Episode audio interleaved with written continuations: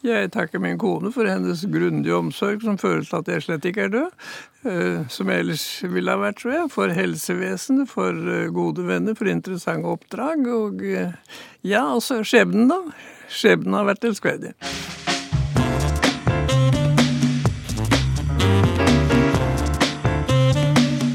Han har passert de 90, men ser mer framover enn bakover. Sylskarp som han er i sin tilnærming til tidas aktuelle spørsmål.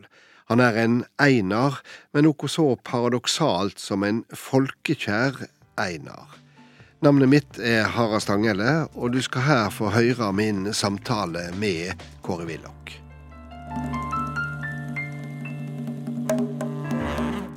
Ja, ei av gledene ved å være programleder her i NRK P1 pluss, det er jo å ønske gjestene velkommen til Stanghelle på fredag. Og så er det nok slik at noen gjester er det mer stas med enn andre. Og en av disse helt spesielle, som ikke trenger noe nærere presentasjon, er akkurat nå kommet inn i Studio 62 her på Marienlyst. Så velkommen, Kåre Willoch. Ja, tusen takk for din hyggelige merknad. Ja. Elskverdige overdrivelser. ja, men elskverdige overdrivelser, det skal en ta vare på. Ja, ja, det skal jeg si. Eh, apropos det, så eh, har jeg jo hørt et tydelig rykte om at du var ikke helt fornøyd med den eh, eh promoteringa, som det heter her i NRK av, av, av Stanghelle på fredag, som var i, i fjernsynet i går kveld? Nei, det kunne lett misforstås, for der snakket jeg om Kåre Willoch, som ikke alltid er enig med Erna. og Det kunne lett misforstås der enn at jeg skulle være ekstra skeptisk til Ernas politikk, men jeg har understreket det stikk motsatte. Ja.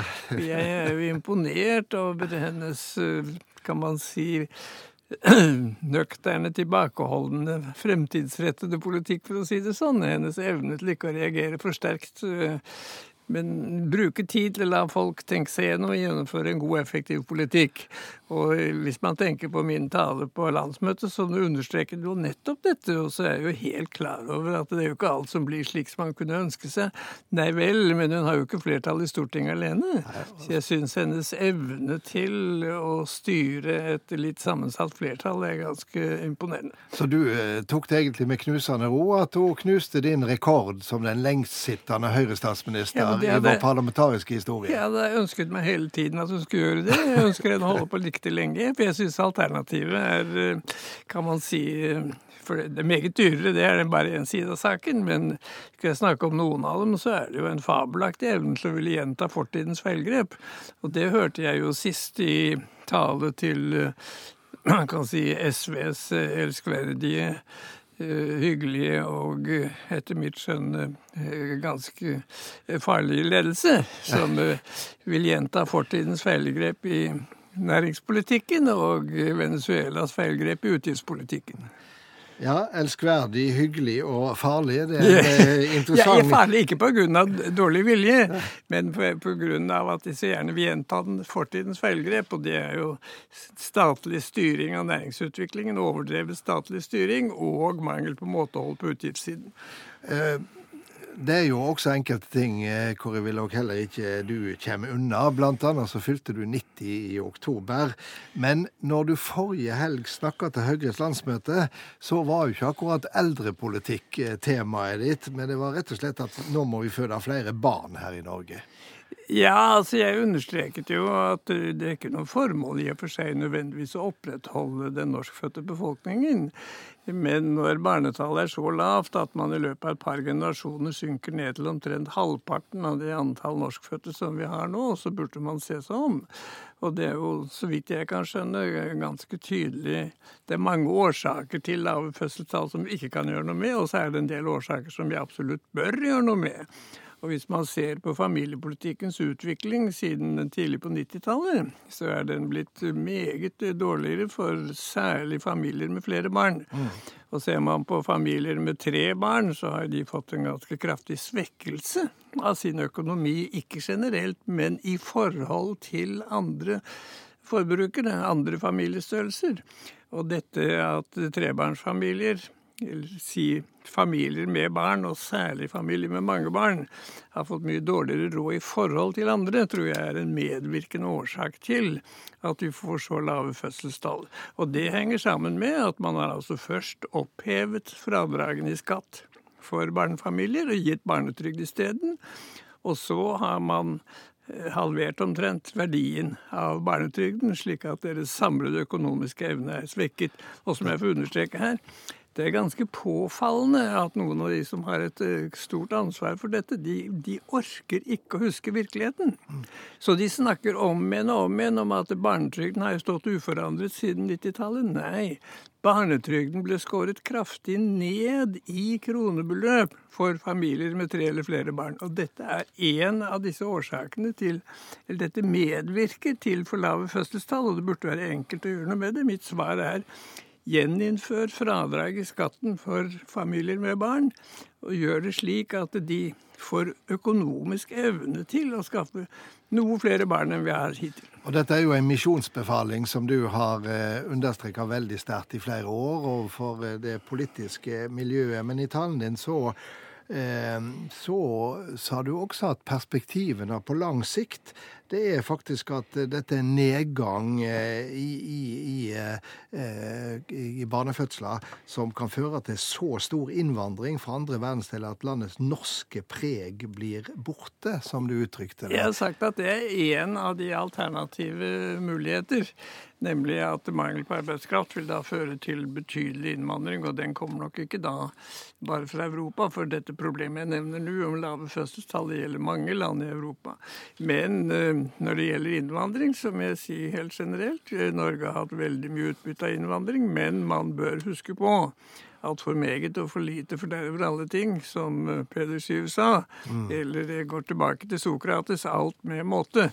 Og vi bør erkjenne at det, er, det vil være riktig for det norske samfunn, syns jeg, som en historisk oppgave å bevare det norske samfunn og eh, gjøre det som er nødvendig for at eh, forandringene i folketall ikke blir for brutale. Og så må jeg nevne igjen og understreke dette, at vi står i fare for å få en situasjon hvor eh, det er så mange gamle som trenger langt mer arbeidskraft enn man kan få med det begrensede antall unge.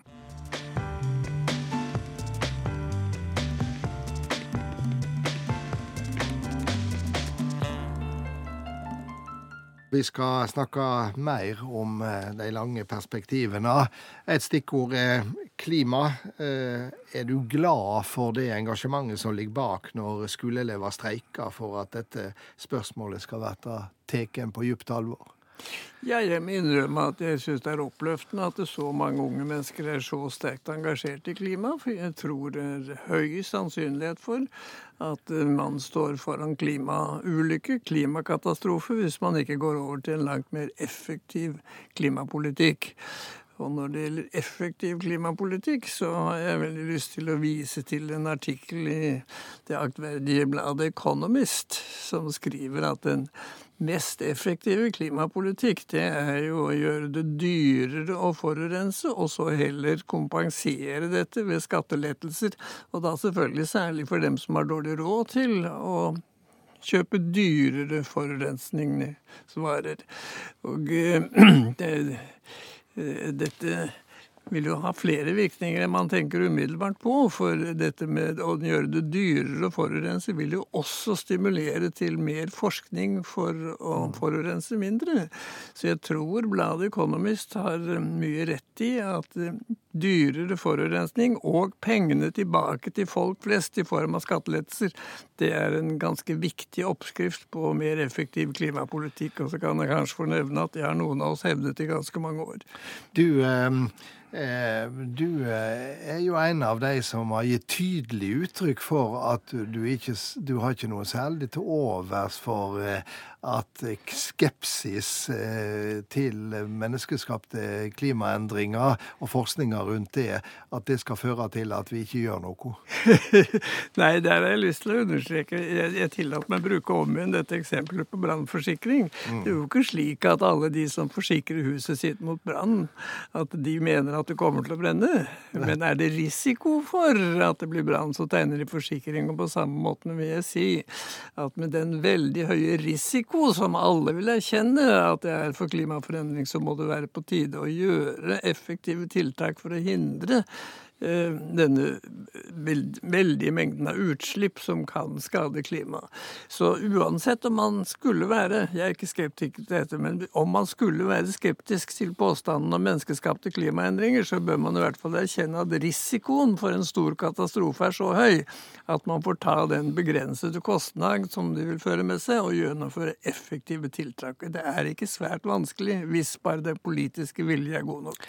Dette bildet med forsikring, det har jo du brukt eh, tidligere, og du opplevde jo i eh, fjor at dette ble en eh, millionhit når du sa dette på sosiale medier, eller i sosiale medier. Hvordan var det? Ja, jeg må innrømme at det, jeg har ikke tid til å følge noe særlig med på sosiale medier, men jeg leste om det i avisene. Jeg syns det var uh, hyggelig og oppløftende.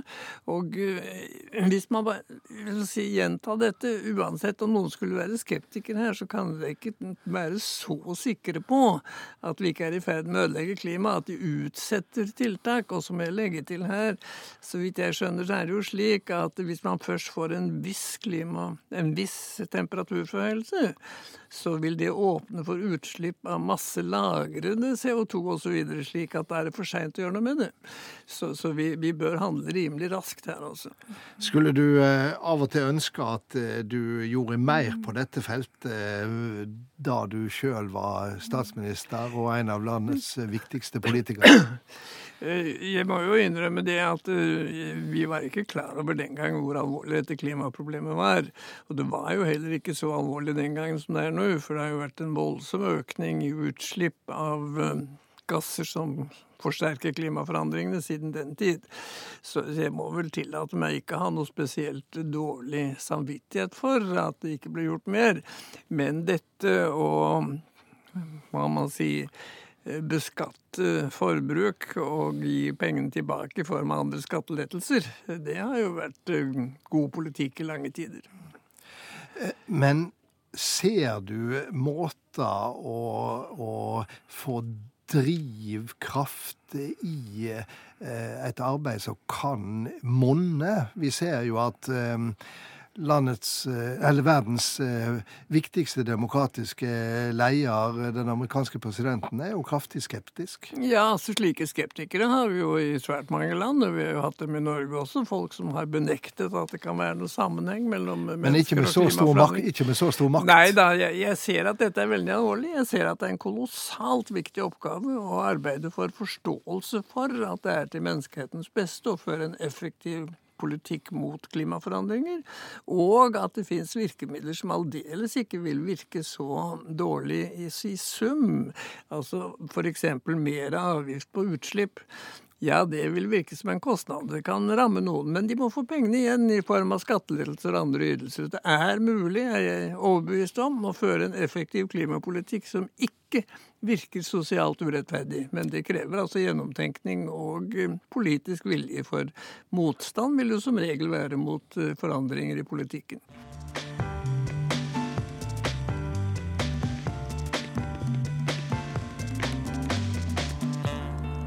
Neste torsdag så blir det i Washington markert at Nato er 70 år.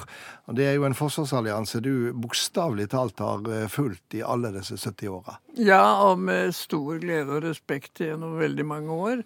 Nato var helt avgjørende for at man unngikk krig med Sovjetunionen, og at man omsider fikk slutt på den kalde krigen ved at Nato holdt fast på krav overfor Sovjetunionen, som den gang var et diktatur, at uh, man ville finne seg i, måtte finne seg i at Nato skulle ha like store styrker i Europa som Sovjetunionen hadde. Altså Jeg snakker jo om mellomdistanseraketter som var særlig utløsende her. Det var en fast linje overfor Nato, som eh, dessverre ikke hadde full oppslutning i norsk politikk hele tiden, men det lyktes å bevare flertall for å støtte Natos politikk overfor Sovjetunionen hele tiden. Og dette medvirket jo til at Gorbatsjov, eh, som en dyktig politiker, så at det var på tide å få slutt på den kalde krigen. Så vi fortjener eh, Vi bør takke både Reagan og Gorbatsjov som deres medvirkning for å få slutt på den kalde krigen. Jeg synes nok situasjonen nå er litt annerledes, for det virker på meg som Nato Nato ikke riktig tar eh, virkningen av at eh, Russland i dag er noe ganske annet enn Sovjetunionen var i sin tid. Og det er svært så stor forskjell mellom Putin og tidligere sovjetledere. Og jeg syns eh, Natos politikk overfor Sovjetunionen i dag Overfor Russland. Russland. Mm, mm, Russland i dag er litt uhensiktsmessig, for å si det veldig Ja, for du eh, har vært kritisk overfor sanksjonspolitikken. Klart kritisk. Ja, av eh, flere grunner. En av dem er at uh, man provoserte jo nesten frem disse brudd på folkeretten som Russland begikk da de annekterte Krim. Fordi nemlig Nato på Krim ville føre til at Russland ville miste sin viktigste, eneste flåtebase i syd. Og de ville føre til at amerikanske styrker kunne plasseres 450 km fra Moskva. Man måtte ikke bli overrasket over at det førte til reaksjoner. Når det så gjelder sanksjonene mot brudd på folkeretten, så er det i og for seg lett å forklare dette. Det er bare det at man glemmer jo helt at Nato-land selv har jo brutt folkeretten gang på gang på gang. F.eks.